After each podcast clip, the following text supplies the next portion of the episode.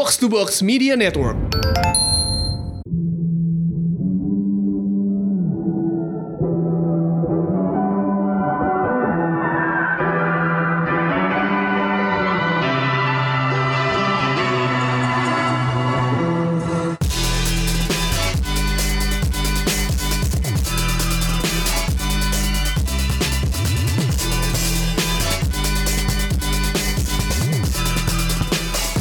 Datang di Showbox Podcast, ada gue Lisa Dan gua Angga. Dan kali ini Showbox bakal wawancara dengan cast dari film Foxtrot 6 Six. Yeah. Selamat datang Mas Ferdi, Mas Arifin Mas Arifin. Selamat datang. Halo, Saya Ferdi Solaiman dan sebelah saya Arifin Putra. Gue nggak tahu lu tadi mau ngomongin atau enggak gitu, nggak jelas. Enggak kan gue mau ngasih geografik buat para pendengar dulu. Jadi lu ada di mana? Siapa tuh ada yang mikir ada di bawah gua, di atas gue. Jadi makanya sebelah saya gitu. Sebelah kiri ya. Dan saya berperan sebagai Tino. Dan saya sebagai Ogi. Yeah, thank you banget udah Dua main ke kita. Showbox ya. Siap. Ini Mas Ferdi udah Mantan potongannya. Oh mantan mariner ya. Iya, iya, iya, mantan.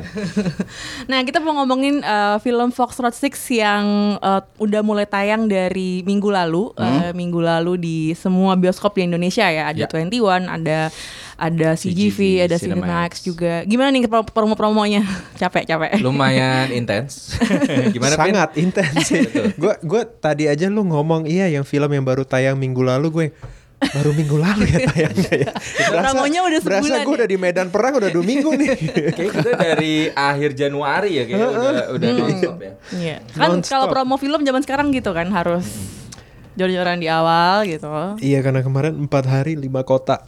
So Ke mana aja Empat tuh? hari lima kota. Iya. yes eh, Cilegon, Serang, Medan, PP satu hari, terus Bandung, Wih. terus eh, Purwakarta. Dan itu Arifin doang. Eh Guenya ke Bogor, Cikarang, Kerawang. Wow. eh, dan ya, bawa Dan lain-lain. Dan lain-lain. jadi jadi kita tadinya mikir oh ada enam orang nih, banyak istirahatnya nih. Gitu. Ternyata enggak ya? Oka aja yang Oka sama Juli aja, Oka sama Juli aja. Ternyata enggak, serentak gitu, dua orang sini, tiga orang sini yang jadi Jadi di semua- deploy ya. Bener-bener kayak tentara, ada tugas negara gitu kan. Betul, betul, betul. Eh, film Foxtrot 6 kita udah bahas kemarin. Eh, sudah? Udah Ini udah reviewnya. Nggak ngajak aja. Kan di review. kan review, oke. kan ini gua harus dengerin lagi. Iya, iya, iya, iya. Kita Jadi ngomonginnya kita nggak kemarin. tahu reviewnya apa ya. Ayo. Terus kita ngomong gimana dong? Ya kita belain aja lah. Nggak, gue kasih tahu dulu. Setuju. Jadi kemarin, gue kemarin bilangnya eh, film ini eh, punya gagasan yang sangat besar gitu ya, karena eh, mengandaikan di tahun 2031 Indonesia sebagai penyelamat krisis pangan dunia gitu. Ya. Dan ini kan filmnya megah banget dengan budgetnya berapa? 70 miliar. ya? Diumumin Nggak tahu. 70. Itu bener gak sih? Iya, pas press Kita, con kita nggak berani ngomong sih, karena kita juga nggak tahu masalahnya. Iya. Enggak itu patungan anak-anak aja. Kasih pas Untung gue nggak diajak. Eh, iya, Per- mungkin pertanyaan pertama gue eh, buat terserah ada yang mau jawab siapa dulu gitu. Eh, nanti kita gantian sama-sama ngobrol aja sebenarnya. Eh, ketika pertama kali baca skripnya, karena ini kan distopia, futuristik gitu ya filmnya. Dan ini actionnya yang skala gede banget gitu ya. Dan sutradaranya sutradara baru nih Randy Korompis masih pertama kali. Dan mungkin PH dan produser juga mungkin belum belum familiar ya untuk eh, sekelas Mas Arifin dan Iya. Mas Ferdi gitu. Eh, ketika ditawarin ini pertama kali eh, pendapatnya gimana tentang project ini dan apakah sempet sanksi juga jadi apa enggak sih ini project kayak kok gede banget Gede banget. gitu PH karena baru. kayak karena kita aja dari media ngebaca rilisnya kayak oh ini kok megah banget ini Iya. beneran apa enggak sih gitu ada rasa-rasa kayak gitu juga dulu awal-awal gitu kalau Jadi dari cast gimana Memang sih eh, ini kebetulan yang datang saya sama Arifin karena kita mulai project ini eh, bareng ya di tahun 2009 apa 10 gitu ya. 2010. 2010. Ah, lama juga ya. Heeh, jadi saya diajakin seseorang dari dalam situ original cast, saya ajakin Arifin masuk. Jadi eh, KKN lah biasa. KKN lah. Karena waktu itu Randy, Andre dan Henry itu bener-bener eh, nggak tahu siapa-siapa. Eh, Randy baru pulang dari LA. Dia anak art center Pasadena, dia tuh ilustrator juga, tapi dia juga sekolah film, dia magang di sana. Datang ke sini tuh nggak tahu siapa-siapa, akhirnya dia bekerja sama sama salah satu eh, manajemen di situ dia ketemu Oka, Oka dan yang lain-lain. Oh, Dari saat itu saya diajak, saya ajak Arifin. Ya udah itu yang memang case awal Ya. yang membantu Randy untuk mewujudkan uh, film pendeknya pada saat itu. Dan memang ide distopian uh, bahwa Indonesia nanti bumi overpopulated Indonesia akan jadi uh, bisa jadi world uh, solution gitu itu udah di, udah udah dipikirkan Randy saat itu gitu. Itu almost 10 years ago gitu kan. Tapi waktu itu masih konsepnya ada berbeda dikit kan Beda. awalnya. Kalau dulu tuh The kayak Apple kan? Iya di Apple Iya. dalam tanda kutip ya. Apple apa tuh? Eh, Ada satu benih atau biji apa yang super yang bisa untuk bikin jadi subur gitu. Oh. Apa? Oh, oke. Itu energi atau No no no, it's it's uh, kayak kayak bibit super deh. Lu Oh, mau bibit nanam super. bisa bisa di apa bisa di ini jadi buat nanam jagung, nanam beras, nanam apa, nanam apa gitu kayak. Oh biar juga nggak bisa diserang hama apa segala Ya gitu. kayak gitu gitu. Dulu awalnya itu yang diperbutkan. And it's it's a, a different story setelah 8 tahun Randy belajar menulis karena nggak ketemu penulis yang cocok. Iya. Dia belajar menulis terus habis itu di script dokterin juga eh, apa namanya KLE skripnya. Jadi saya atau Arifin juga mungkin udah baca beberapa versi dari skripnya dan kita syuting aja tuh draft 70 something gitu. Itu Wiu. draft terba- terbanyak yang saya pernah lihat syuting tuh biasanya belasan aja Iya, yang belasan. gitu. Jadi gue emang udah jatuh cinta sama visinya Randy dan skripnya itu udah jauh-jauh hari dulu dan ya nungguin juga sih Vin ya. Kita lama juga tuh yang jadi gak nih jadi gak nih. Iya dan maksudnya ya dari 2010 sih itu mengalami banyak apa sih perkembangan dan juga ya namanya juga kalau proyek sebesar ini eh, itu nggak mungkin hari ini minta dana besok langsung ada gitu kan. Jadi ini Meskipun di trailer yang dulu kita optimis ya segera tayang 12 12 12 gitu kan. 12 Desember 2012. Terlalu Taunya- optimis. Optimis Terlalu optimis. 2019 baru udah udah terwujud. fantasi itu. Eh, ya jadi di yang bagus juga dari Randy adalah dia kan ilustrator seperti tadi Ferry udah bilang. Jadi em, yang bikin kita semua tertarik waktu itu adalah bahwa dia sudah bisa ngasih lihat sketsa-sketsanya dia. Nanti dunianya seperti ini loh gitu. Nanti gue kebayang eh, pokoknya ada ini nih ada robot ini Weapon ada design, drone ini ada weapon design. begini. Jadi dia udah bisa jelasin semua secara visual juga. Jadi pas kita lihat langsung wah keren banget nih gitu kan. Seru banget nih kayaknya gitu. Eh, itu yang membuat kita semua langsung tertarik di situ Em, dan juga pas kita lihat hasilnya dari si film Si pendek yang tes menjadi teaser. trailernya itu kita juga langsung yang wow, ini ini untuk untuk trailer keren banget loh gitu Eh, kan. boleh nggak boleh nggak gue kasih lihat di sini? Kan pen- eh, pendengar juga Boleh. nggak bisa nonton. Kok bisa nonton Enggak, ini kan Ini kan rekaman. audio. jadi lu kasih lihat ke mikrofon. Iya, enggak, biar penasaran Ini ada kamera loh. biar penasaran Boleh, boleh, boleh. iya Boleh, ya, boleh. ya monggo lu nanya lu minta izin sama gue iya gue gue biar nanti kalau disalahin enggak kata Arifin nggak Berdua. apa-apa gitu kan. Gue lagi yang jadi kambing ini hitam eksklusif di Showbox Asli. Tapi belum pernah dipublikasikan di No. YouTube gitu nggak pernah. Never. tidak pernah eh, nah satu fun fact dari dari trailer ini adalah di sini kita akan lihat animasi sebuah drone gitu yang keren banget Oke. nah itu eh, karena tidak ada budget jadi Randy harus membuat sendiri animasinya CGI-nya dan saking hebohnya bikinnya dan cuma pakai laptop laptopnya meledak Aduh. Oke. Yang baru laptopnya rusak. Demi kan. perfilman Indonesia Jadi ini Oke, kita tonton gua akan dulu. kasih introduction. Iya. Ini trailer Ini pas kapan nih? Heeh. Foxtrot 6 yang kita buat di tahun 2010 with Wow. no budget. 9 tahun lalu ya. Eh, kita syuting eh kita dua dibayar nggak sih Transport aja sih Pak kayaknya. ini benar-benar passion Iya, iya, passionate iya, iya. project dan ini yang digunakan sama Randy dan kawan-kawan dan kita juga bantu koneksi-koneksi ke kita punya network Iya. untuk mencari dana. Oke, sebelumnya gue matiin dulu si. Ada WhatsApp. Nggak seru banget lagi nonton ada WhatsApp ya kan. Oke. Siap. Dulu ratednya si R. Iya. Sekarang 21 tahun ke atas.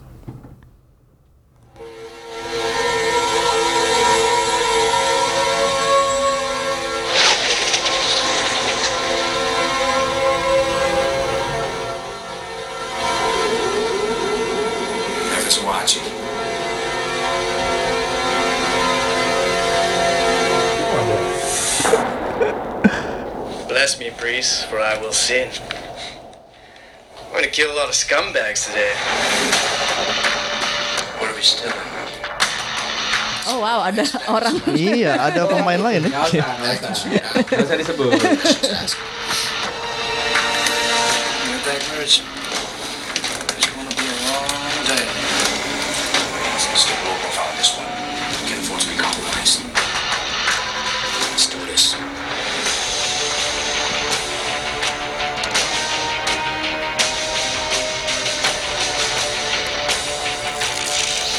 Widih.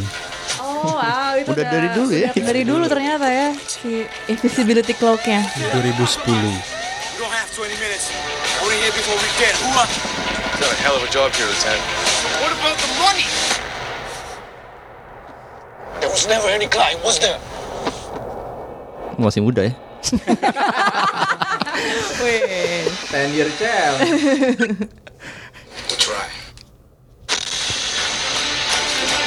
Oh, masih ada mic.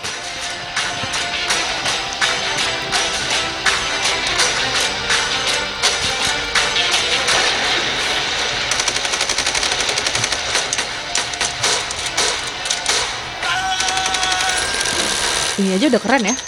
Itu dia. 2010 padahal. With no budget. Zero budget. Budget si Randi ya. Ya, budget. Oh ini drone nih. Ya itu.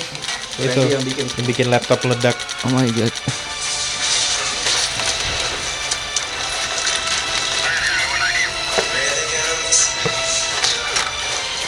Wush, jatuh beneran tuh.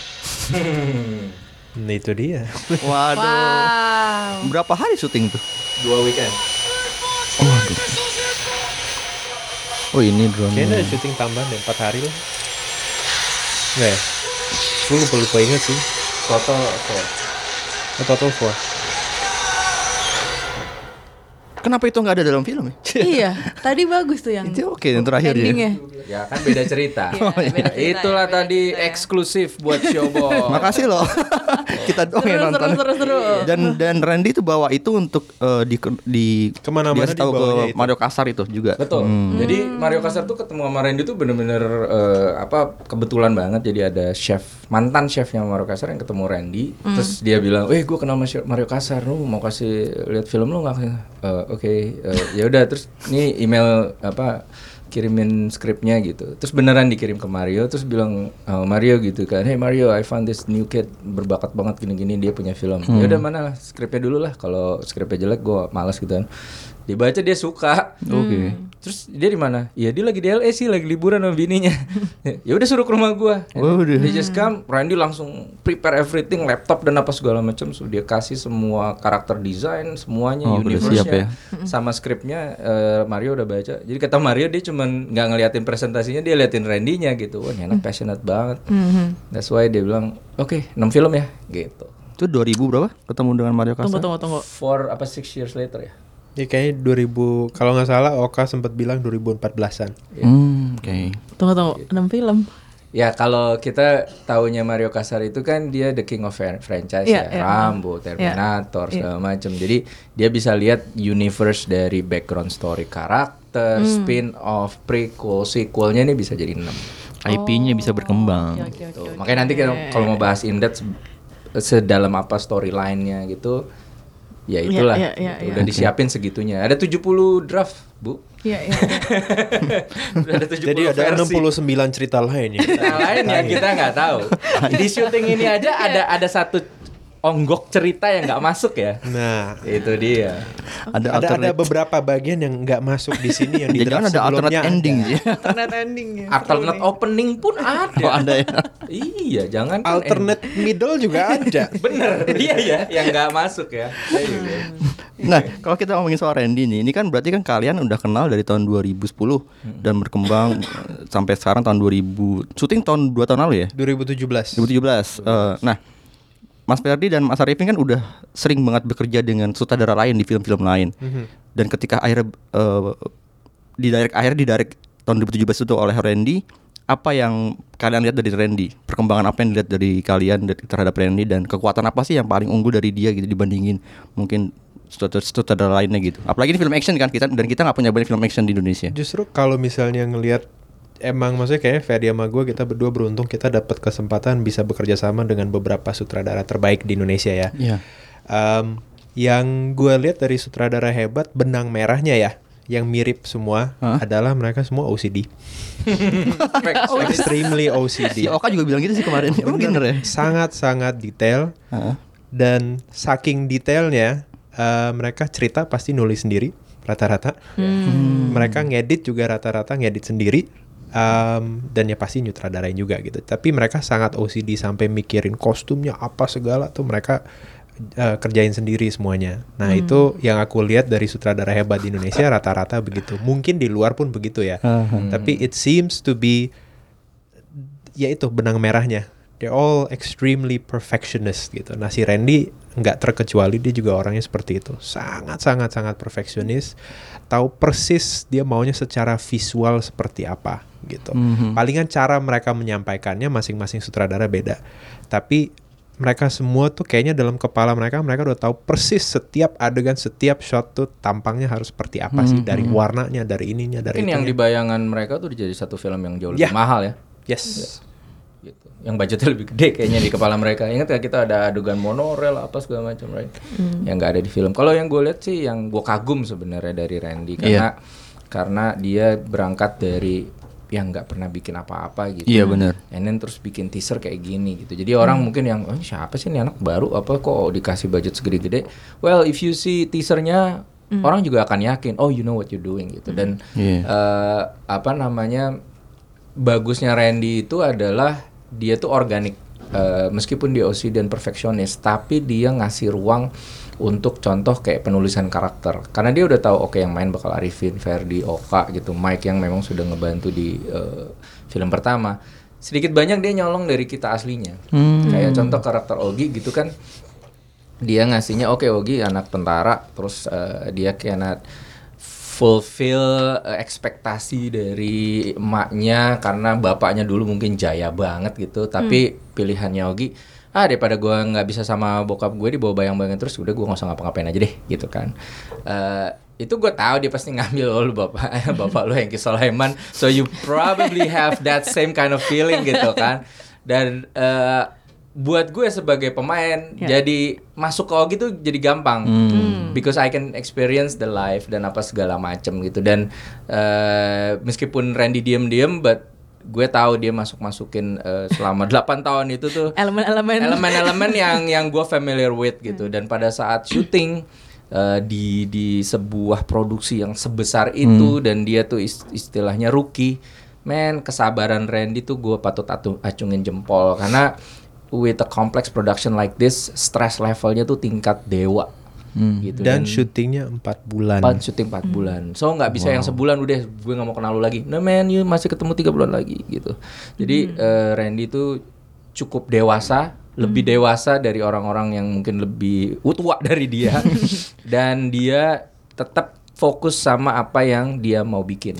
Itu gue setuju. Di lokasi ya pasti setiap lokasi adalah satu dua kendala gitu ya. Tapi eh, apa pun juga kendalanya gue nggak pernah lihat eh, Randy atau nggak pernah dia nggak pernah nunjukin bahwa dia stres. Dia He selalu never raised his voice. Dia Menjaga selalu mental tenang. kalian juga ya. dia selalu tenang.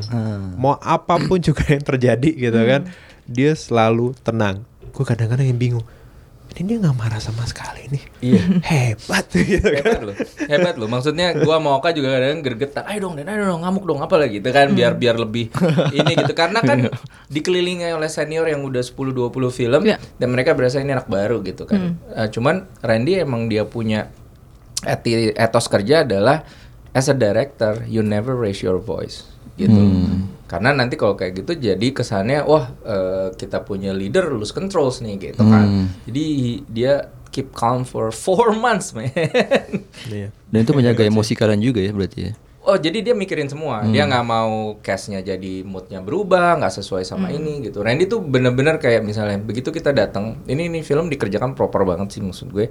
Kita kerja nggak lebih dari 12 jam. Begitu kita Oh, datang, langsung oke masuk eh, apa green room itu udah dikasih fotokopian sites eh, scene yang akan di shoot hari itu. Jadi kalau yang nggak bawa skrip lupa apa, it doesn't matter sudah disediain. Dan Randy akan datang untuk briefing kita. Oke, today we gonna shoot this.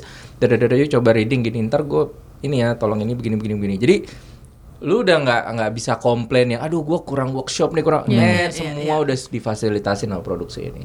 Hmm. Dan Randy juga dia eh, sangat detail dalam setiap karakter yang dikembangin gitu ya. Eh, karena misalnya kayak gue sempet nanya ada satu dialog yang aneh. yang sayangnya akhirnya didn't make it into the final cut ya. Uh, tapi ada satu dialog Buat Tino, buat- buat Tino. ah, oke. Yang bikin gue bingung ini apa nih artinya apa nih artinya gitu kan. Uh, tentang sebuah tali. Oke. Terus gue, apa nih artinya? Kok Oh, tali? iya, Kok itu- tiba-tiba itu- ngomongin tali sih itu gitu kan? Maksudnya apa sih gitu kan? Ah. Terus gue nanya-nanya sama si uh, sama si siapa? Sama si Randy terus dia bilang, "Dah, lu coba pikirin aja kira-kira apa sih artinya? Lu coba iya. cek aja, cek aja Interpretasi gitu gitu ya. kan. Gue yang, apa ya? Apa ya? Gue penasaran banget sampai akhirnya dia bilang, "Vin, lu coba cek istilahnya Übermensch." Gue, apa itu? Ternyata itu uh, ada filsafat dari Jerman namanya Friedrich Nietzsche.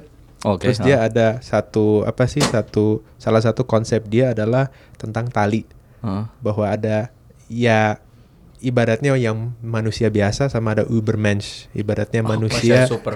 manusia super gitu Oh, yang berusaha untuk menjadi manusia paling sempurna gitu kan. Ah.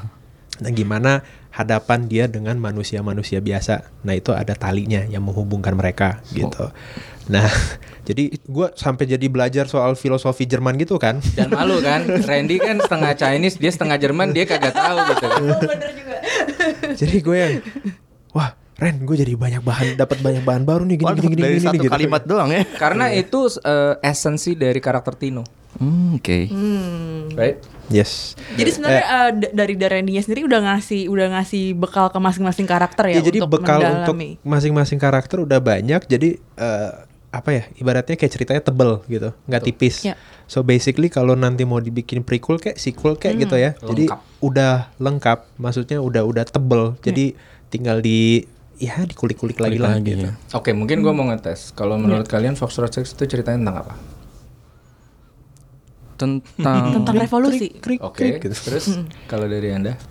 gue sih ngelihatnya ini tentang show menunjukkan bahwa Indonesia itu bisa Oke, bisa nomor satu lah gitu.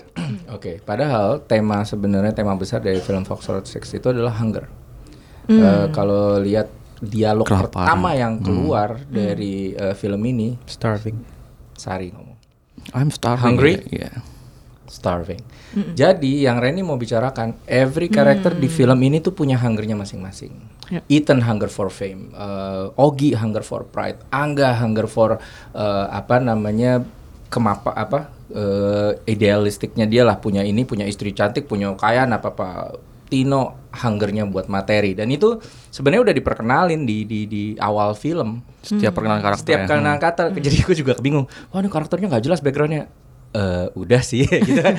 jadi kayak misalnya eh, Bara deh, itu gue paling suka eh, eksposisi karakternya Bara, karena begitu kita masuk nggak dijelaskan dengan kata-kata, kita masuk ke tempat pembuangan sampah, ada orang lagi berantem memperebutkan beras, ya kan? Panjat, pinang ya. panjang pinangnya nggak nggak berebutin kulkas atau sepeda, tapi beras. Beras. Terus begitu dia udah dapat berasnya ditukar lu sama rokok. Jadi nih orang emang mendingan nggak makan apa-apa, ma- masukin racun ke tubuhnya. Itu suicidalnya dia kan. Makanya dialognya gua kita ada misi bunuh diri. Oh ya udah kapan gue ikut. Nyambung kan? Gua nggak nggak pancing bara dengan yang oh kita punya strategi keren teman-teman bakal no. I'm not into reunions. Eh tapi kalau ada misi yang mau mati lu mau ikut nggak? Oh hayo gitu. Begitu ke Ethan beda eh dude kalau lu iniin kita, lu terkenal nih hunger for fame. Jadi tuh semua tuh sebenarnya udah disiapin gitu. Ya gua apalagi lebih lengkap kan nyokap gua sampai bilang udah lu nggak usah pikirin bapak lu gimana lu kan punya jalan sendiri gitu. Lu bisa kok bikin bikin world kagum sama lu dengan cara lu nggak usah ikutin bapak lu gitu every character tuh dalam eh, ditulisnya. Tinggal kita bisa nggak sebagai pemain dengan scene sedikit itu ngebawain itu aja. Tino apalagi kan? Bilangnya wah duit rakyat lu pakai apalah seolah-olah Nobel begitu dia cabut hehehe untungnya buat gua apa? Nih gua kasih jam sama harta. Gitu kan? Dan nggak kelar di situ ya sebenarnya. Sebenarnya Tino ada lagi Oh, tuh ada lagi. kikannya lagi gitu. Gimana?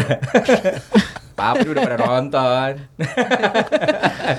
Tapi kerekam. banyak yang dikat ternyata sayangnya iya, dan gue sebenarnya nungguin itu loh, Vin. Begitu si Oka bilang, oke, this watch Iya. and the uh, a quarter of my stash. Dia udah ngeliat gitu, dia bilang, half. Cek ya, pakai gitu kan. itu cuman mungkin waktu itu Randy uh, pemikirannya, oh jangan dong, jangan jadi angganya udah kalah sama Tino di awal. Jadi he Hmm, wants jadi di take out. Tino untuk uh, apa? Jangan di atas angga dulu, karena nanti ada saatnya Tino yang I'm back, I'm back gitu kan. Jadi Randy bener-bener mikirin relationship characters, decision makingnya apa gitu. Jadi nggak cuman ujuk-ujuk, ayo lima orang dikumpulin semua yang, ayo hidup Indonesia. Enggak, everybody punya agenda, punya alur sendiri gitu. Nonton lagi ya. eh gue nonton dua kali loh. Eh nonton dua Oh, kali. iya. Nah, ntar lihat hal yang kecil-kecilnya gitu. Nah, ini kalau kita lihat ini kan film action ini sebenarnya kalau lihat genre film action sebenarnya kan dia eh, memang eh, apa ya? Ciri khasnya adalah memberikan banyak adegan aksi dengan penuh penuh kontak fisik, baik itu bentuknya berantem ataupun lewat CGI segala macam kan. Dan intensitas intensitasnya lumayan tinggi. Sehingga mungkin soal pengembangan narasi di kebanyakan film-film action itu narasi dan karakter itu nggak terlalu di- diutamakan lah. Tapi kalau buat kalian eh, dengan film action seperti ini, Foxtrot Foxtrot 6 ini, cara kalian memperkaya karakter tadi seperti apa? Tadi kan Mas eh, Ferdi dan Mas, Mas Arifin bilang kalau ini sebenarnya kata si si Randy udah ada udah kaya karakternya. Cuma kalian cara kalian untuk mengembangkan itu setiap adegan gimana? Itu PR kita sebenarnya eh, bahwa nggak bisa yang Ren tambahin scene gua dong. Iya, itu. Nggak udah, gitu. udah lengkap. Tinggal lu bisa maininnya nggak? Lu bisa nggak bawa 12 tahun perkawinan lu sama Angga ke situ. Misalnya dialog gue. Begitu kalian perhatiin deh, cara gue ngomong ke Angga beda sama Bara, sama Ethan, sama Tino. Begitu dia ngomong Oh iya nih demi keadilan kerakyatan. Sejak kapan lu peduli sama gitu semua? kan gua ngomongnya gitu. Siapa yang berani kayak gitu? Gue sersan dia letnan loh. Dan itu juga ada maksudnya. Gue dikasih sersan. Doi letnan, tapi tuan gue kan. Ada maksudnya kan. Emang Ogi nggak ambisius ngejar pangkat gitu. Tapi dia bisa gituin Angga karena he knows Angga. Yang lain nggak bisa gitu. So sebenarnya itu udah dikasih full sama Randy. Kitanya ngeh nggak dan bisa menggunakannya nggak. Dan di sini juga bagusnya kita acting coachnya itu Eka Sitorus. Oh, Eka Desitorus. ya. Eka D Sitorus. Eka D Sitorus. Eka D titik Sitorus ya. Gue punya bukunya men. Dimitri. Buku acting. The Art of Acting ya. Right. Eh, jujur tulus sederhana. Siapa? Gitu. Eh, ya jadi kalau sama Eka Sitorus bagusnya bahwa dia emang juga cukup pintar, bukan cukup sangat pintar Sangat untuk detail. Untuk memilah eh, apa sih Konotasi, skenario. denotasi. Eh, di mana dia tahu benar-benar apa yang ada di surface, apa yang ada di bawah gitu. Nah, si Ren si Eka sendiri pun yang sering baca skenario dan dia sering banget bisa mencibir sebuah skenario. Nah, di sini dia bisa bilang, "Ya, ini setiap kata, setiap titik, setiap koma memang ada artinya." gitu. Hmm, Oke. Eh, jadi buat kita pun kalau kita ngerti, jadi di kita justru em, yang susahnya adalah bukan susahnya ya, tantangannya adalah bahwa kita harus benar-benar mengerti skenario-nya. Hmm. Apa sih yang pengen disampaikan di sini gitu? Bukan Karena- cuma jago ngomong Inggris. Iya, jadi jangan cuman ya kamu marah ya di sini ya, pokoknya marah, lebih marah lagi. Enggak begitu, tapi emang bener-bener ada maksudnya gitu dari cara kita bertanya, uh, terus dialognya kenapa seperti ini, seperti tadi si Ogi, eh, si Ogi lagi si Ferdi bilang itu juga cara ngomongnya itu pasti beda-beda. Nah itu emang uh, kita harus cari sendiri. Nah itu untungnya kita ada Eka Sitorus karena dia Betul. sangat pintar untuk mencari hal-hal itu. Memilah-milah eh, apa arti denotasi konotasi dari kata itu. Kenapa yang ngomong dia? Kenapa dia ngomongin di sini? Motivasinya apa? Objektifnya apa? Kebayar nggak nanti di ujung motivasinya atau dia nggak dapet motivasinya? Jadi itu bener-bener dikupas habis sama Bang Eka buat kita tuh jadi kayak satu scene-nya eh, Juli sama Oka yang menggambarkan relationship mereka selama puluhan tahun aja cuma digambarkan satu scene. So itu PR Oka Iya, sama iya. Juli banget tuh. Lu bisa nggak gambarin relationship in one scene kan gitu jadi. Dan Ferdi sama gue juga kita kebiasaan kok sering sekali di film-film lain misalnya kita harus banyak menambah atau justru merubah total sebuah skenario buat karakter kita karena kayak nggak nggak konsisten. Nah di sini justru kita improvisasi Gila. minim banget. Karena konsisten parah. Di, di pas syuting itu enggak dikit berarti improvisasinya. Dikit kecuali ya kalau lagi perang, lagi Oh. wah, apa ngelawan Kodiak atau apa ya keluarlah kadang-kadang F words eh, Randy suka yang eh guys guys kita mau coba P- PG-13 jadi eh, FF-nya dikurangin gitu. Tapi kalau dialog drama enggak ya?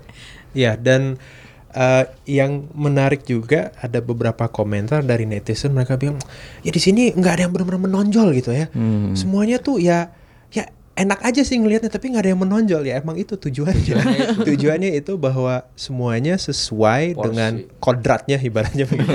sesuai dengan porsinya Eh, jadi ya kita bisa nikmatin aja filmnya gitu. Jadi nggak terlalu fokus ke satu orang gitu. Enggak, ya semua sesuai dengan fungsi masing-masing. Bayangin, Fok, eh, spek aja yang nggak dikasih dialog. Karena Iya, dikit ya Jericho dialognya. bayarannya per dialog.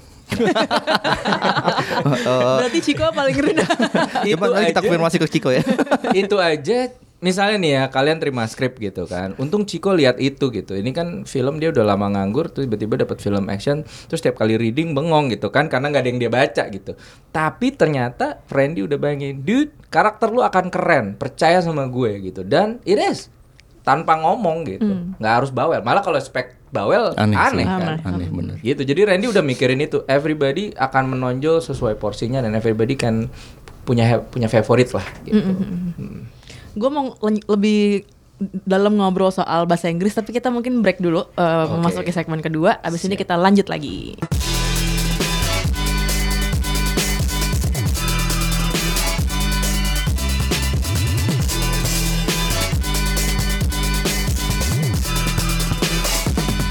Balik lagi di Showbox Podcast Uh, kita lagi ngobrol-ngobrol sama uh, Ferdi Sulaiman dan Arifin Putra soal film Foxtrot 6 Nah ini yang banyak diomongin sama netizen nih bahasa nih Soal bahasa Inggris.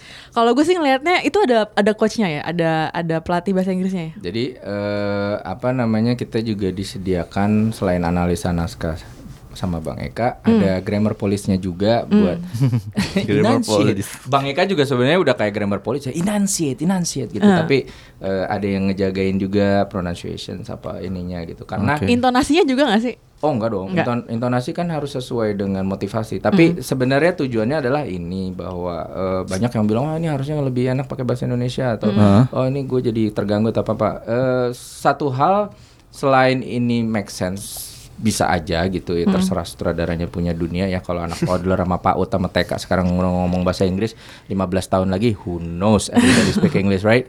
Or Terus- Mandarin. or Mandarin gitu. Nah lebih protes lagi kan kalau kita semua ngomong Mandarin, muka muka Jerman gini, toto toto "Iya, ni hao, angga. Nah, eh, nggak ada subtitle pak di Showbox. Nah, film ini memang eh, film-film budget besar yang nggak mungkin kita cuman berharap bahwa oke hanya akan menjual di dalam negeri, Oke. sehingga eh, investor marketingnya segala macam harus memikirkan untuk memasarkan ini di luar. Nah, pas pada saat memasarkan ini di luar harus diingat film-film yang menggunakan foreign language atau subtitle itu bukan film eh, mainstream. Sehingga let's say nih ada seribu distributor, toto distributor lu berkurang tinggal 600. Ya secara bisnis jelek dong, gitu. Kayak kemarin eh, The Raid eh, dibeli Sony Pictures, diputer di sana, ya Sony Pictures yang udah nge-backup. Tapi karena dia bahasa Indonesia with subtitle, Amerika tuh ya di kota gue dulu kuliah aja itu ada Cineplex 36 layar, 24 layar, eh, 8 layar. Nah, eh 18 layar. Itu satu kota doang. Jadi Amerika tuh ada ribuan layar.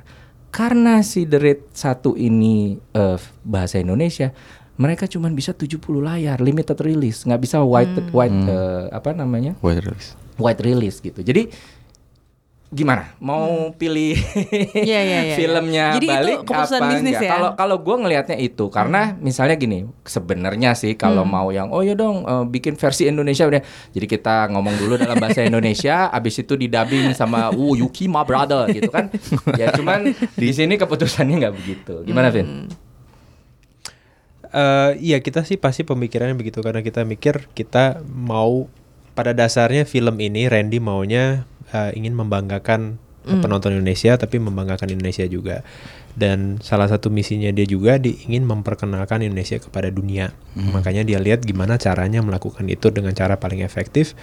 Ya salah satunya dengan bahasa ya mayoritas orang di seluruh dunia either mereka bisa berbicara bahasa Inggris atau minimal mengerti bahasa Inggris Uh, jadi dengan begitu ya pasti akan lebih gampang diterima oleh mayoritas dunia gitu pemikirannya seperti itu. Jadi malah tujuannya bukan untuk eh, sok-sok ke Amerika Amerikaan, tapi justru Randy mau mengharumkan Indonesia penetrasi culture dengan film Indonesia dengan bahasa yang orang-orang di luar Indonesia itu eh, familiar with. Hmm. Jadi kalau mungkin lihat eh, penetrasi eh, culture dari event show business ya, Ya. Ricky Martin pertama kali masuk eh, lagu juga pakai ada bahasa Inggrisnya. eh, Gold apa yang Korea tuh? Eh, I got nobody nobody but you. Apa sih? Si itulah. Gue gak ikutin Korea bener.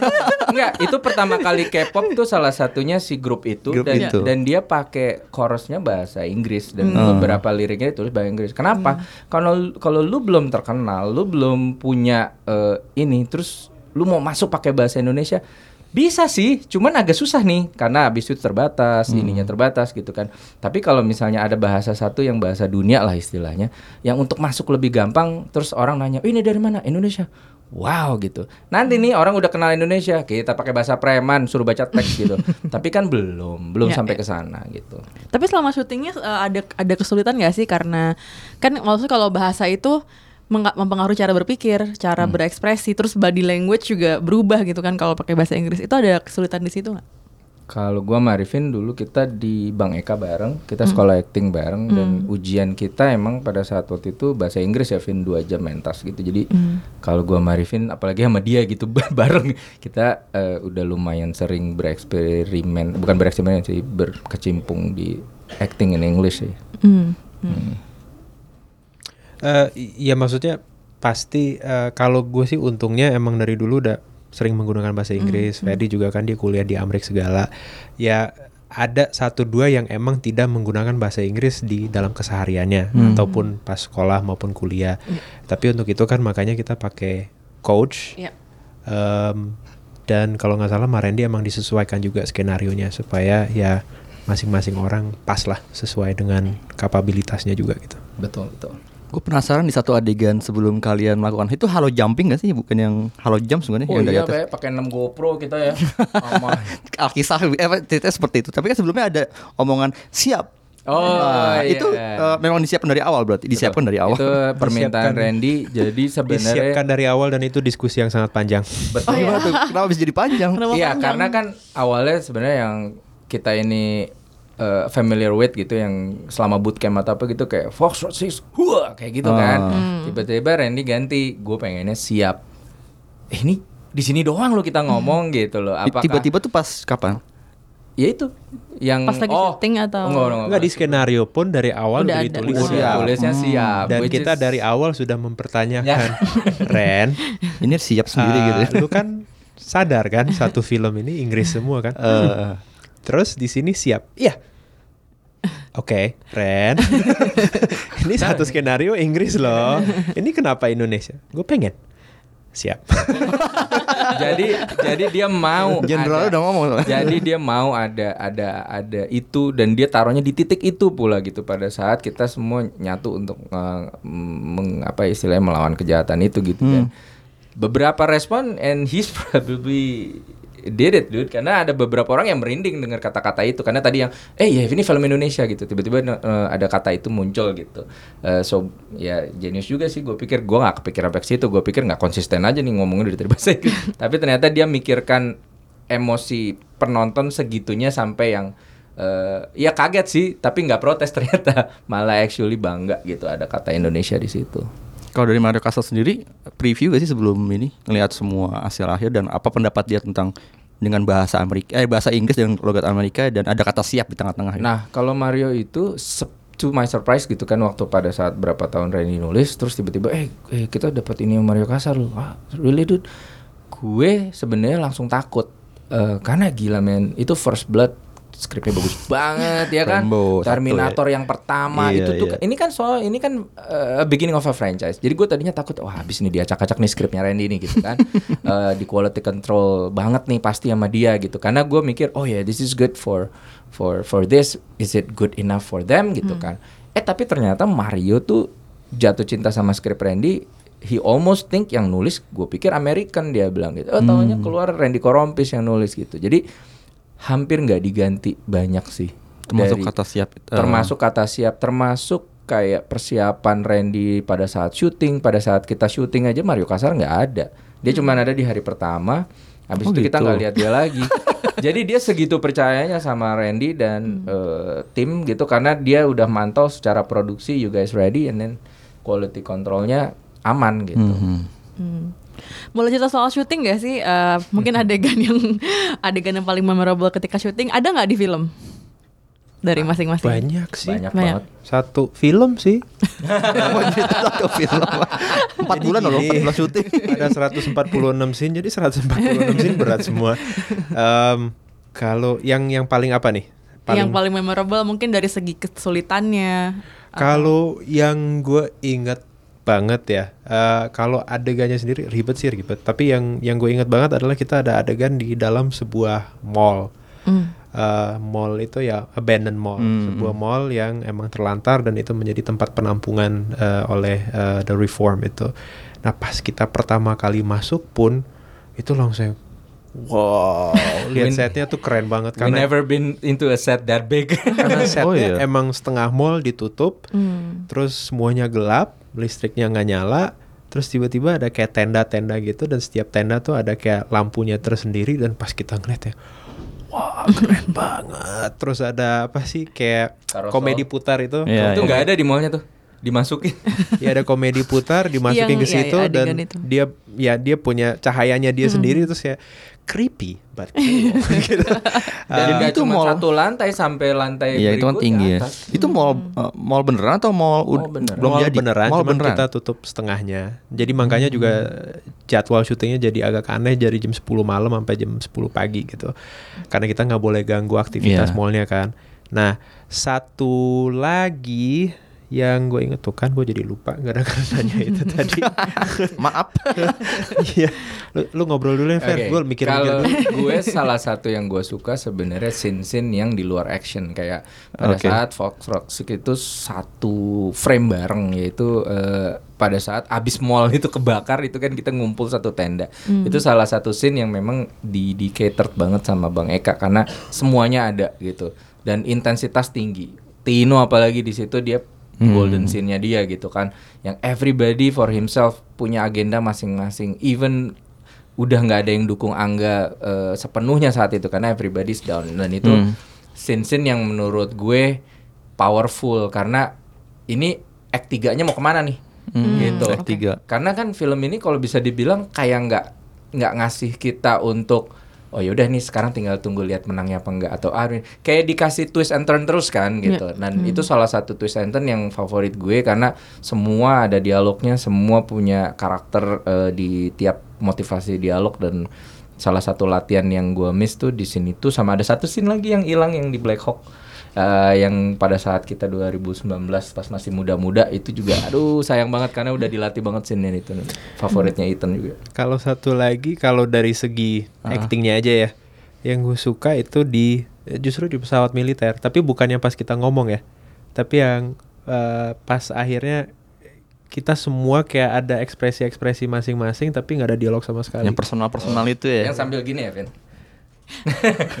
karena kan pesawatnya nggak jalan Enggak ya maksudnya pas si Tino masuk terus si Angga luka. Nah, gue baru mau bilang. Terus abis itu Dan- ya si Iya, ya si iya. Mike eh si Ethan dia ada ekspresi dia sendiri, si Bara sibuk sendiri, si Spek ya menjadi Spek gitu kan. Intinya kayak ngomong tuh kan Tino balik juga. Eh, tapi di situ gue sukanya bahwa tanpa dialog apa pun juga ya masing-masing karakter tetap terlihat. Terlihat. Iya ya. iya iya iya iya that's true that's true Kalau mereka bukan yang ye Tino gitu nggak gitu ya enggak, Mod. enggak. cool aja. moodnya yang oke.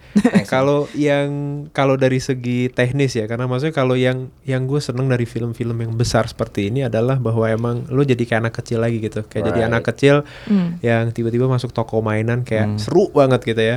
Jadi kita ada di sebuah lokasi yang kita nggak boleh sebut namanya, Eh, tapi Bikin penasaran sih kayak gini. Udah kelar loh syuting. lu pasti langsung tahu kan tempatnya mana. Nah, di situ itu emang gue lihat misalnya di kejauhan gitu ya. Itu kayaknya ada lampu gede banget. Emang kita deket bandara gitu kan? Enggak, men. Itu dari kita lampu kita gitu kan. Jadi ternyata lampu gede Buset. banget itu Kayak kelihatan kayak di matahari. bandara gitu. Oh, oke. Terus tapi itu kan jauh banget, Bro. Ya masalahnya kan kita 360 men. Jadi gua nggak tahu nanti kameranya akan ke mana. Jadi makanya kita emang radius 100-200 meter itu kita kasih lampu semua. Nah lu kan bayangin artinya ada ratusan orang yang tugasnya benar-benar cuma pasang lampu. Lampu lampu di kejauhan Dan ini ya. juga ada kayak gedung yang berlantai-lantai Yang mungkin lu sebagai penonton nggak nyadar. Tapi itu lampu semua harus dipasangin. Semua Hmm. dipasangin Eh, terus juga departemen artnya kerja keras banget. Jadi misalnya ada fightnya si Bara itu kan ada truk-truk, terus ada crane apa segala. Iya iya iya. Nah itu semua emang lu pikir ada di situ terus kita main syuting aja, bang syuting bentar ya, gitu enggak. Bikin dulu ya. Jadi sering banget kita nyampe lokasi kita tetap nunggu dua jam tiga jam kita ini nunggu apa sih gitu kan oh ya kita lagi harus pindahin crane sama truk-truknya gitu jadi agak ribet men gitu Iya. Keren. Jadi benar-benar buat frame. Eh keren maju dikit.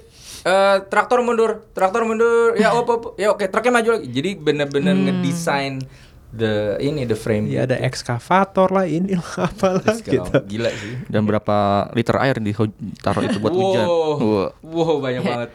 I hate the rains, man. Iya, dan juga kayak agak absurdnya ya kita misalnya lagi syuting nih. Terus hari berikutnya kan udah harus pindah lagi jadi nggak ada waktu lagi di situ. Jadi kita eh, baru aja selesai dengan satu set yang ada tembok-temboknya gitu. Terus kita lagi ke set selanjutnya atau ke shot berikutnya yang udah nggak kelihatan lagi itu itu tim artnya udah langsung harus bongkar lagi. jadi Dihancurin. sambil kita syuting mereka udah harus bongkar gitu karena Apresiasi tinggi nih buat tim artnya Oh. Foxtrot ya karena maksudnya waktunya segitu padatnya dan ya mau nggak mau udah nggak ada waktu lagi. Ada apresiasi lagi juga gue mau kasih buat eh, Lumine Studios yang eh, Oh, bikin nama CGI. Andre Iya, gitu iya. ya. Karena yang tadi baru kita ngomong soal Hello itu, Hello Jump Hello itu, Jump. itu eh, Itu keren sih. Makanya gue gue gue baru lihat pada saat nonton. I never apa Oh, iya, imagine iya, how it's kan- gonna look Iya. gitu kan. Karena ditulis itu kita loncat dari pesawat. Oh, Iya, oke. iya. Eh, Siapa yang loncat nih gitu kan? Ternyata pada saat kita datang ke syuting itu kita semua dipakein gear. Tapi kita lihat Oka lagi digantung di sling gitu kan. Sekelilingnya satu gudang studio itu 360 gitu kan. Eh apa green screen. Hmm. Nah, terus eh, diambil close up, diambil pada saat dia lihat jam, terus dikasih air biar ekspresi dia bahwa oke ini ini gue baru kehilangan, dadadadada itu dapat semua gitu kan. Eh ternyata kita nggak disuruh pak, kita nggak disuruh diangkat gitu. di sling, kita di 3D scan. Kayak mau masuk mall. Jadi kita punya badan di Ya. digi- digitally ditransfer sampai ke pori-pori apa segala macam. Motion Jadi nanti capture. Kayak motion capture Jadi gitu. Bukan motion. jadi Oh, bukan Foxtrot motion. Six ada ada avatar 3D. Ada avatarnya kita. untuk Waduh. dibikin. Jadi yang nanti bisa mau Ogi begini, begini, begini itu bisa gitu. Jadi eh Okanya dijadiin base, habis itu di recreate enamnya itu secara di digital. belakang oke. Eh jadi seru juga ya. Jadi sebenarnya suatu saat nanti gue bisa bikin cloningan gue udah ada 3D scan. Bisa atau lu nggak dikontrak lagi Pak, cloning lu yang dikontrak lebih serem lagi. Lu jangan bikin takut tuh. iya makanya. Jadi Gua di situ nih, bro. yang gue lihat di di adegan itu itu bener-bener kayak miss hujan airnya kena ke kulit kita, ada geledeknya, awannya apa itu it's everything was created by computer graphic gitu. Makanya gue agak miss juga sama Lumine Studio. Shoot, perasaan syutingnya kemarin begitu doang, jadinya gini ya gitu. Menarik. Gue gue inget adegan di itu sih eh, Ethan Hunt di Fallout. Yang dia kan eh halo jam juga tuh. Tapi Nah. itu beneran kan dia loncat beneran. Iya. Kalian mau gak kalau kayak gitu? Ya kalau kalau kita dibayar segede Tom Cruise nggak apa-apa ya Vin ya. Asuransi asuransi. jauh. Tapi Asuransi. Tom. Cruise sama kita kayak motivasinya beda. Gak Iya tahu sih. gimana gue ada feeling bahwa dia emang Nyari mati. pengen berakhir di lokasi syuting. Iya, dia Berkali-kali dia loncat situ kan. dia, dia kayak bara kayaknya ya. Iya, kayak bara. iya. Bara versi. bara versi realnya gitu. Ntar kita undang Tom Cruise loh ya. Ngomong di sini. Kita tanyain ya, coba tanya Pak Tom. Kalau Valhalla-nya dia di situ. Malah. Bener bener bener bener bener. Mencari Valhalla. Eh, ini tadi udah disebut sama si Lisa soal asuransi. Aku pernah Oh sudah kita bahasannya asuransi. enggak gini. Jadi gini, aku ada program. Jadi mau ini Ini murah loh. Enggak soalnya pas tahun 2014 sebelum ada The Raid 2 rilis, gue datang ke acara kayak seminar gitu di bagian dari G-Fest waktu itu. Dan produsernya, eksekutif produser cerita tentang gimana sulitnya dia mencari asuransi untuk main Hmm. pada saat itu. Nah, aku pengen tahu untuk sekarang ketika kalian syuting Foxtrot apakah udah lebih gampang dapat asuransi karena kan kalian pasti kan melakukan adegan-adegan berbahaya yang lumayan lah ya untuk ya bisa bisa aja bisa aja lecet atau patah-patah gitu. Nah, itu Dari- aman nggak? Udah dari produksi ya, udah disediain ya. Udah Kayak disediain jadi ya? Kejadian di gue sih, eh, personally waktu pas bootcamp selama enam hari lima malam, eh, pas hari terakhir gue cedera, pas simulasi adegan, eh, apa namanya dislocated nih, dan Oke. waktu itu H-10 syuting atau gimana yang gue nggak mungkin operasi karena nggak akan recover in time. Tapi akhirnya sama produksi di cover untuk fisioterapi dan segala macam untuk ngejar supaya pada saat syutingnya itu kaki gue udah bisa pulih gitu. Cuman itu kayaknya jatuhannya bukan asuransi sih. Itu jatuhannya dari uh, budget produksinya. Tapi maksudnya di kontrak sih kita ditulis bahwa Ada. kalau sampai amit-amit terjadi apa-apa saat saat uh, persiapan maupun syuting yang berhubungan dengan film itu pasti akan di cover oleh mereka. Sampai standar-standarnya pun udah ditulis. Udah ditulis ya. Maksudnya Dengan detail ya. eh, lumayan detail, tapi maksudnya juga standarnya sampai pulih apa segala itu udah Hmm. ditulis semua. Tapi apakah mereka pakai asuransi atau enggak? Feeling gue di Indonesia itu masih agak susah Eh, karena emang ya mungkin marketnya belum cukup besar Hmm. untuk bikin produk tersendiri untuk itu. Tapi ambulan standby ya pas syuting ya. Itu ada, Selalu itu ada ada. ya. Cuman maksudnya sekali lagi itu not part of the insurance, itu It's in emang the production ya. production budget gitu. Ini soalnya ini penting kan buat Iya. nanti ke depan industri film kita kan harusnya lebih memikirkan lagi soal sosok Iya. seperti itu kan. Betul. Kalau itu sih standarnya udah ada, Hmm. maksudnya bahwa produksi akan tanggung itu sudah ada di dalam kontrak. Mm-mm, karena terutama untuk stunt uh, fighters mereka yang sangat-sangat rentan untuk Iya, uh, apa fighters ya. terjadi kecelakaan bukan cuma aktor-aktornya gitu ya. Uh, mereka kan yang sebenarnya yang uji cobanya mereka belum di take aja mereka yang nyoba duluan gitu kan. Itu uh, lebih baik sih secara ini nih mereka bikin asosiasi yang untuk supaya lebih mudah untuk minta coverage kayak gitu. Jadi mau produksi mana pun mereka bisa di cover. Oke. Kalau mau ngomongin soal ini kan menurut gue ini jadi standar baru untuk produksi film action di Indonesia gitu ya. Iya. Em, sekarang tuh masih sekarang tuh masih dikit banget menurut gue film-film eh, action di Indonesia tuh dengan adanya. Susah bikinnya. Nah itu gue mau nanya. Susah bikinnya, penontonnya juga sulit.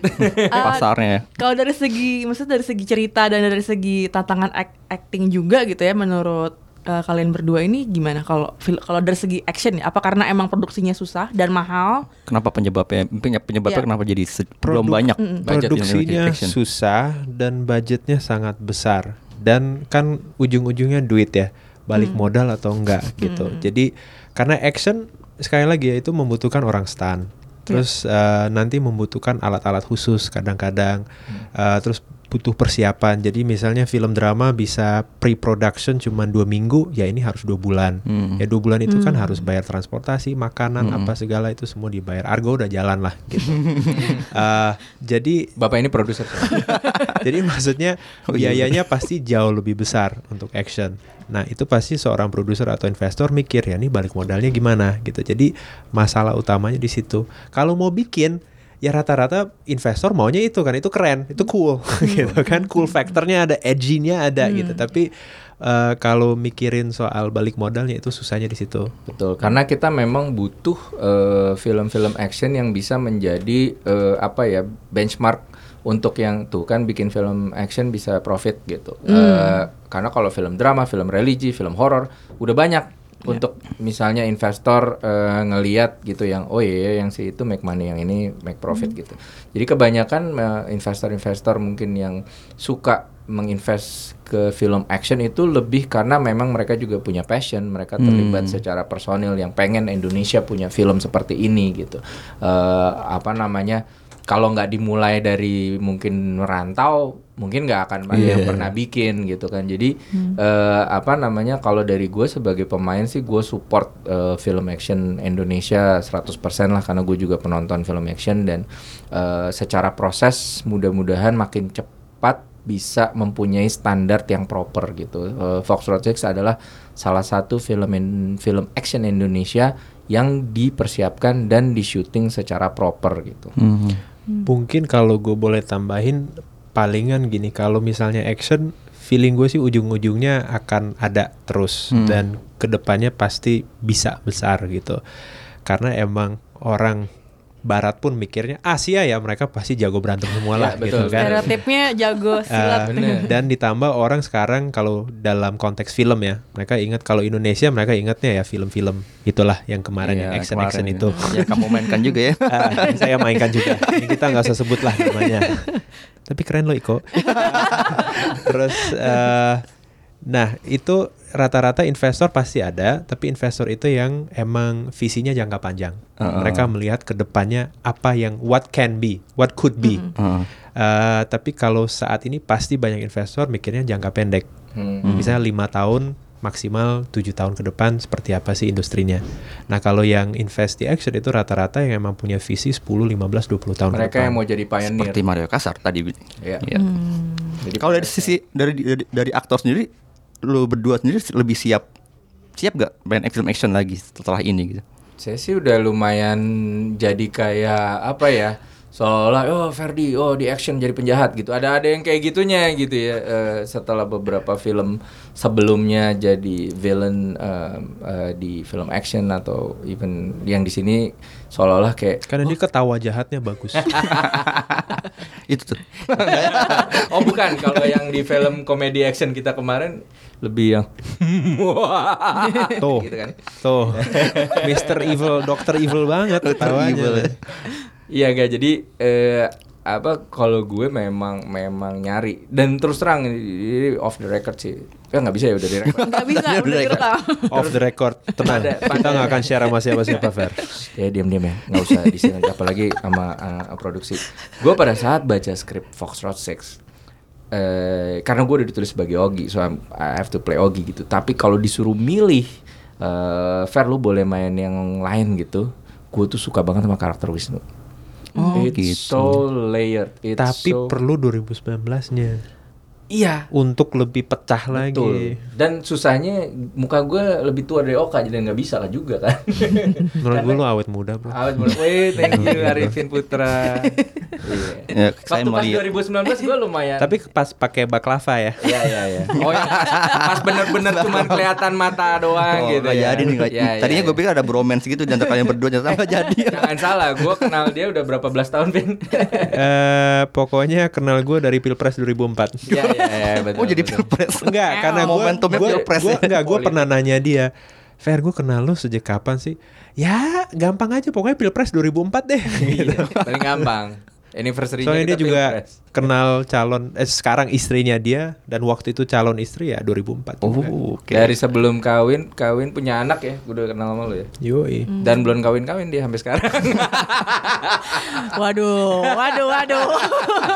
Sebuah Lalu berita lagi. Sebuah sentilan. Nampaknya kita mau istirahat lagi. Enggak, tapi- gue gue cuman penasaran aja dari 6 Fox Road 6 pada saat permulaan kita persiapan itu eh, apa namanya eh, beberapa udah jadi ayah, beberapa belum merit tapi begitu filmnya tayang beberapa udah jadi ayah terus Semua udah married, ayah. tunangan. Iya, Semua, makanya kecuali tinggal gua. nunggu Tino aja ini. eh, Edward Akbar. Enggak itu bukan Fox Road. itu Bukan Fox bukan Road. six nggak masuk. Penjahatnya aja udah merit, men. Udah married. udah merit. Anak udah punya belum? Eh, ya Gila, belum. gila, gila. Juli Jadi ajang, jadi ajang. jadi, jadi melebar, di melebar. Aduh, aduh, aduh, aduh. eh tadi Arifin belum belum jawab soal yang itu yang kalau Soal itu. for film action lagi mau gak main? Kan udah main berapa ini berapa film action deh? Udah kesekian kalinya kan? Heeh, heeh. Itu apa aja sih? Ke- The- ke depannya lu siap lagi nonton film action? Boleh lo sebut no- sebut judul. Eh, iya, Foxtrot. Brandal, Foxtrot, eh, lima cowok jagoan. Lima cowok jagoan ya, action juga. comedy. Eh, sama Oh berarti gue udah lima dong. sama itu Half World. Oh iya, Half-World serius There ya. you go. Oh gue enam berarti. Gue pikir gue empat. Gue dibilang udah berapa main? Cie, Empat. Ferdi Sulaiman. Eh ini season So-so. ini dua atau satu ya? Oh iya dia dua season loh. Iya, iya. Ferdi banyak banget soal filmografinya kan shh, panjang. Enggak gue Eh benang merah perfilman Indonesia. Selain Lukman Sardi ya. Oh, Tapi enggak, action Lukman Sardi udah nggak banyak. sesering dia nih. Berdua sama dia Mas sama Ence. Berdua sama. Mas Ence. sama Mas Ence. Tapi Ence jarang ditawarin action. Masih banyak kan Iya, iya, gue. iya. eh, Orang takut takut takut patahin tulangnya dia soalnya. Iya, kan iya, kurus bener. kering ya. Dia biasanya Kalau kan empuk nih. Dia jadi sidekick biasanya di ini. Iya, nah iya film bahasa Inggris juga gue sebenarnya udah sempet have world bareng Arifin, terus Javahid juga ya bahasa Inggris juga kan action juga, Message Man juga bahasa Inggris juga, action action juga gitu. Jadi ya gue emang suka sih kalau kalau penulisan skripnya bagus sih mau action mau drama mau festival mau komedi gue jam for Ini menarik Fer. Pertanyaan buat gue yang jawab lu. Ya, gue gue jawabin ya. Jadi Arifin itu ya. Gimana? silakan silakan. Ah, Ini ya chemistry-nya kalau- udah nyambung banget. Kalau kalau film action eh ya gue kalau ditawarin ya pasti mau lah. Kalau emang ceritanya bagus dan sutradaranya bagus, gue sih pasti mau-mau aja.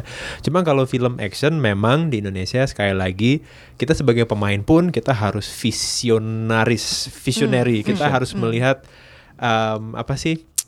eh, ya untungnya buat kita eh, ke depannya jauh ke Aha. depan. Karena kalau jangka pendek ya mungkin nggak akan terlalu banyak orang main film action. Iya sih, bener juga sih. Karena maksudnya film action sekali lagi itu masih in its infancy, masih baru-barunya Iya, gitu. iya, Jadi uh, pasti mereka belum bisa all out um, dari segi budget dan lain-lain juga kan. Dan itu juga pasti akan memakan waktu banyak sekali. Kalau misalnya kayak sistem Australia pun tetangga kita atau misalnya sistem Malaysia pun mereka sistemnya adalah langsung mereka blok satu blok. Bisa mereka bilang oke pokoknya gue perlu lu untuk enam bulan Mhm. dan gue akan bayar lu untuk enam bulan Jadwal lo harus kosong selama 6 bulan harus itu. kosong selama enam bulan. Lu mau ngapain kek selama gue nggak perlu lu terserah. Yang penting gue panggil lu hari ini, besok lu harus siap, gitu ya. Eh, nah di Indonesia nggak bisa. Bisa. Banyak nyambinya. Jadi mau nggak mau kita harus nyambi. Nah itu susahnya di situ untuk mengatur jadwalnya itu juga. Jadi kita pengen dukung tapi memang saat ini eh, masih harus nyambi-nyambi juga gitu. Kalau untuk drama ya lebih gampang. Kenapa? Karena ya kita palingan syuting maksimal banget sebulan. Persiapan maksimal banget sebulan juga. Udah dua bulan selesai. Eh, tapi kalau action ya minimal 4 sampai 6 bulan. Kalau The Raid 10 bulan. Disebut juga ya. Red. Iya. Nah, makanya gue pengen nanya sebenarnya Marvin, lu main di Branda ada berantemnya, di Hevold ada berantemnya, terus di Foxtrot Six juga ada berantemnya. Apa sih yang ngebedain lu untuk physical demanding di Pertanyaan film lo aja ini? diambil loh. Gua ambil. Gue sendiri aja Marvin bisa. Kita keluar aja Ya, hostnya Ferdi Sul- hari ini hostnya Ferdi Sulaiman. iya. Apa yang membedakan persiapan eh, untuk fighting eh, di film ini sama di film lain? Perbedaan persiapannya. Iya, karena kan yang paling capek persiapan ya. Kalau syutingnya kan mungkin nggak terlalu beda. Lucunya kalau nggak salah, oh kecuali si Havold, tapi lucunya hampir semuanya sama tim Uwais kan. Hmm, Oh iya, that's true. Tim Uwais ya. Uh, Jadi kalau tim Uwais pasti dia udah ada SOP-nya tersendiri kan. Kalau misalnya perbedaan dari sama Foxtrot ya satu iko-ikutan, satu iko sebagai koreografer Hmm. saja. Um, cuman ya kalau masing-masing bedanya palingan ini. Um, kalau Uwais team gue sukanya adalah mereka benar-benar mulai dari basic banget. Hmm. Jadi mereka benar-benar ya lenturin badan dulu dan mereka untuk safety-nya. Jadi mereka bilang cara jatuh yang benar seperti apa. Jatuhan. Gitu. Dan itu diulang-ulang Dan mereka latih berkali-kali karena mereka maunya itu menjadi muscle memory.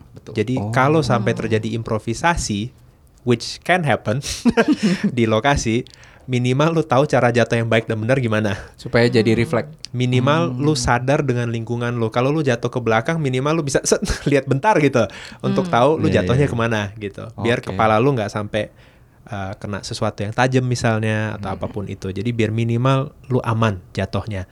Apakah kena muka lu atau enggak itu lain lagi ceritanya. Tapi yang penting lu jatuhnya aman karena jatuh itu yang paling bahaya. Apalagi kalau misalnya di dekat tangga atau dekat lobang atau Iya. di belakang ada sesuatu objek yang bisa bikin lo apa luka. Nah, Cedera. itu eh, bagusnya Wise Team mereka benar-benar eh, ngelatih safety-nya. Em, kalau di film action itu bener-bener persiapannya matengnya ya itu karena maksudnya kita ada dramanya. Terus habis itu ada fisiknya. Jadi kita sendiri pun kita harus melatih fisik gitu ya. Eh, kalau yang paling intens sih Foxtrot 6 kenapa? Karena kita dikasih personal trainer, kita harus melatih dengan personal trainer ini selama sebulan. Habis itu kita harus jaga badan juga. Jadi kita harus apa sih ada asupan diet tersendiri, kita disiapin catering diet. Meskipun banyak cheat. Dalam ke tentara. Nggak pakai MSG ya? Eh, kita ada latihan di eh, sebuah pasukan khusus juga selama satu minggu kita latihan di situ dan kita nginep Kayaknya di nggak sebuah tenda. deh. Lalu Sesuai cerita Tino bailed. Fun fact Eh, nih. gue sesuai karakter gue, method acting man. Iya, metode. Terus habis itu eh, ya maksudnya ada si acting coach segala. em, jadi ini sih yang paling banyak melibatkan orang dan paling banyak menguras waktu dan tenaga sih gitu. Kalau misalnya Dre dulu itu juga sangat-sangat intens. Kenapa ya? Karena si Gareth emang orangnya sangat-sangat intens juga. gitu. Nah, yang tadi lu bilang ya benang merahnya itu ya. yang iya. saudara besar. sangat OCD. OCD, banget gitu. Eh, kalau misalnya dulu yang bikin gue kaget The Raid itu karena itu film action pertama gue Hmm. dan di situ itu gue udah dikasih satu koreografi um, dan akhirnya karena kalau Iko emang timnya mereka selalu ngajarin bit by bit, sequence by sequence gitu. Mereka nggak ngajarin langsung satu adegan gitu. Mereka ngajarin sequence by sequence. Akhirnya sampai satu titik di mana gue bisa satu sequence gue bisa jalanin, wah gue bangga banget gitu kan. Terus pelatih gue cuma bilang ya oke, tapi ini baru 50% ya, speednya baru 50% ya. Eh, lu tolong naikin lagi. Pada dasarnya naikin lagi 100%. Terus gue, Hah? Eh, nah itu tuh maksudnya di mana lu benar-benar harus nge-push diri lu sendiri. Nah, itu pertama kalinya gue belajar bahwa lu bisa banget nge-push diri lu sendiri tapi itu semua di atas di kepala lu gitu. Secara fisik lu mikir udah nggak bisa tapi sebenarnya di situ yang diajarin adalah yang sebenarnya kita sebagai tentara diajarin juga adalah yaitu it's all in your head. Sebenarnya lu bisa lu bisa nge-push diri lu lebih daripada yang lu pikir gitu. Mind over body ya. Mind over body. Ini sih sebenarnya buat orang-orang yang wah gue pengen main film action itu titik di mana yang Arifin bilang yang lu akan dipush yang lu pikir udah mentok taunya masih harapannya lagi. masih jauh lebih tinggi dan kayaknya nih fisik gue udah nggak mampu gitu. Tapi lu penasarannya itu lo bahwa kok gue nggak bisa ya mencapai itu dan lu harus capai gitu. Dan eh, karena nanti lu akan nyesel sendiri kalau lu nggak perform pada saat di kamera everybody will look at that you're doing it half ass gitu kan. Jadi iya itu itu itu capeknya sih bukan cuman di eh, fisik tapi di mental juga gitu yang kayak penasaran ya oh CD juga dong lu berarti dong perfeksionis juga lu berarti Ya emang iya. Eh, kalau misalnya kata-kata Gareth yang gue inget yang secara alam bawah sadar gue lihat juga ada banget di Randy. Eh, si Gareth selalu bilang gini, Vin, pokoknya kalau lu bikin film action khusus atau film apa pun juga, lu nggak pernah boleh setengah hati. You have to give it 150%. 150. Setiap frame, setiap adegan, apa pun juga yang lo lakuin harus 150%. Kenapa? Karena kalau begitu lu udah kerja sekeras-kerasnya, lu udah bener-bener berdarah-darah untuk film ini. Tapi di satu frame atau satu shot lu nggak ngasih 150%, lu akan nyesel seumur hidup. Kenapa? Begitu filmnya tayang, penonton lu nggak peduli lu kerja sekeras apa pun juga untuk bikin film ini lu kerja 10 bulan nggak ada yang peduli begitu mereka nonton dan ngelihat ada kesalahan itu di satu shot itu mereka akan bilang ya gini doang ya Aduh, netizen sadis ya. Ya. oh gitu doang ya nggak asik ya Padahal persiapannya berbulan-bulan ya setahun. Padahal di, malah. di, di shot lain udah perfect Iya, gitu. iya, Cuma iya. Itu doang tuh. Kalau ngomongin ending nih gimana menurut kalian? Ending filmnya. Iya iya iya. ending Kan yang ending mana? karakter ending karakter. Oh. Nggak tahu nih ada berapa ending gue Oh, juga. tadi kan udah di- Tadi kan mau cerita nih katanya tuh. berapa ending. Ini ada sequelnya pasti nih. Jadi kalau lihat orang kan selalu eh, mungkin ngelihat film itu dari oh cer- cerita ending dari cerita. Padahal sebenarnya Fox Road Six itu ditulis sama Randy itu karakter driven. Jadi yang sebenarnya eh, kemarin juga sempat di press conference ditanya itu endingnya ada alternate nggak sih atau emang selalu ini?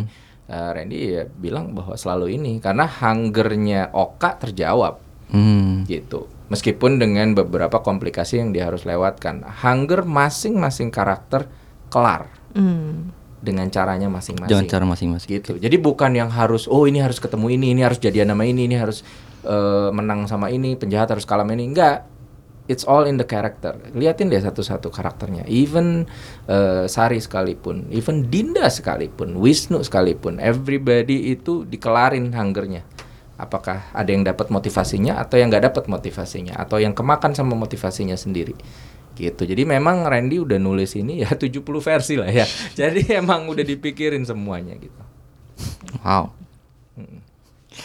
Last questionnya Angga nih. Eh, eh, pertanyaan ini sih. Eh, fun fact aja. asuransi. Bukan.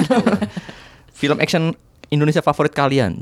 Apa nih? Selain yang dimainkan ya. film action Indonesia favorit Boleh yang dulu-dulu.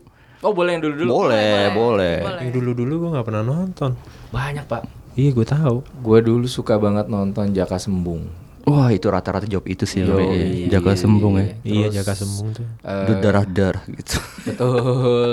Dan itu buat gue pada umur itu yang, hah bisa copot nyambung lagi. Gitu. itu iya parah tuh. Itu tuh kayak ini banget gitu. Gue emang pecinta film action soalnya. Terus gue penggemar parah Jackie Chan. Karena menurut gue dia kasih film tuh- action Indonesia, yang akhirnya Oh, mem- Jack- tapi membuat Jackie Chan gue- katanya orang Indonesia kan dulu Eh, itu Stephen Chow lain Stephen Oh, Chow katanya beda. orang Surabaya oh iya iya katanya Willy Dozan yang orang Indonesia Billy Chong nah terus eh, gue sempat kayak kangen gue balik tuh pada saat nonton merantau sebenarnya tapi bukannya narsis, gue paling eh, favorit awal itu eh, The Raid. Karena menurut gue itu ngasih eh, apa namanya pace ritme ciri khas signature yang gue belum pernah lihat di film action Indonesia 30 tahun 50 tahun ke belakang even.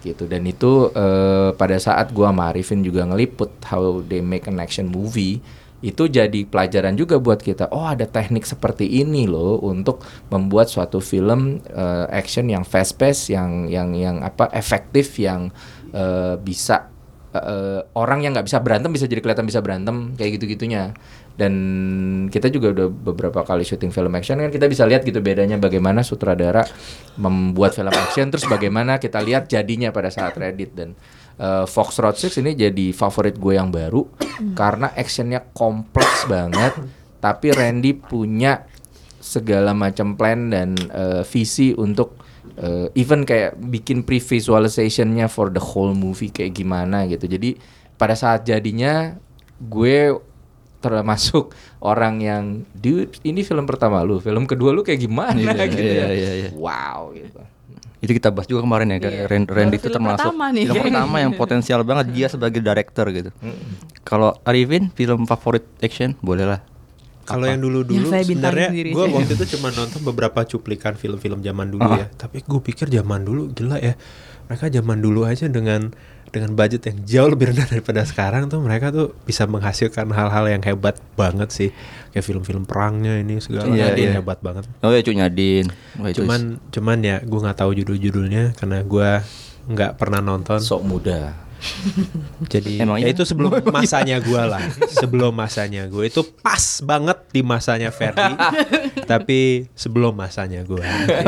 tapi gue nonton cuplikan-cuplikan sih gue suka banget. Kalau misalnya untuk yang zaman sekarang, Ya 2000-an lah mungkin. 2000-an, ya pilihan film action sih nggak sebanyak itu juga ya.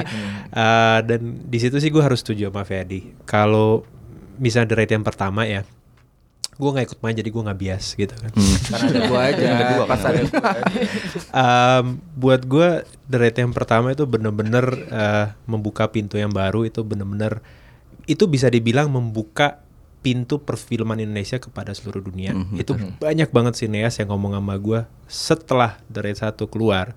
Itu sineas Indonesia begitu mereka ikut pitching forum di mana pun juga di festival apa pun juga di seluruh dunia mereka langsung oh dari Indonesia? Oke oke gue mau denger gitu. Oke. ya, yang The Raid itu kan? Ya.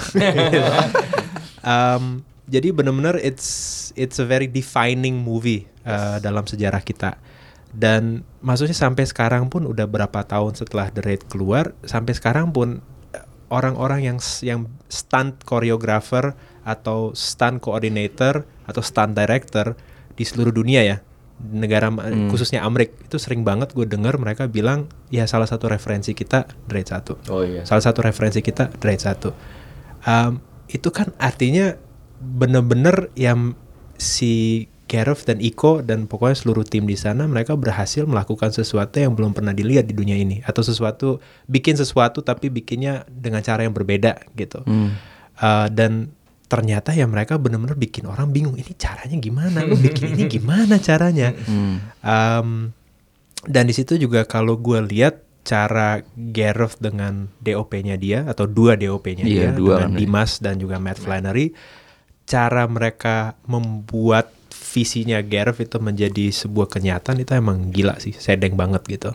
Uh, tapi itu juga baru bisa terjadi karena proses. Karena maksudnya pas merantau, lu nonton film merantau, itu masih banyak. Lu lihat ini berpotensi banget Iya, nih. iya. Tapi mm, ini masih banyak nih yang Bisa bisa lagi dibenerin. lagi ya. Uh, dan tim yang sama yang bikin merantau itu bikin The Raid dan akhirnya bikin The Raid 2 dan, Dan, gue bisa sebelum The Raid 2 dia sempat bikin Outcall yang sama gue, Yes. Juli sama Bayu. Dan itu kita ngeliatnya oke film pendek action yang main bertiga nggak ada yang fighters.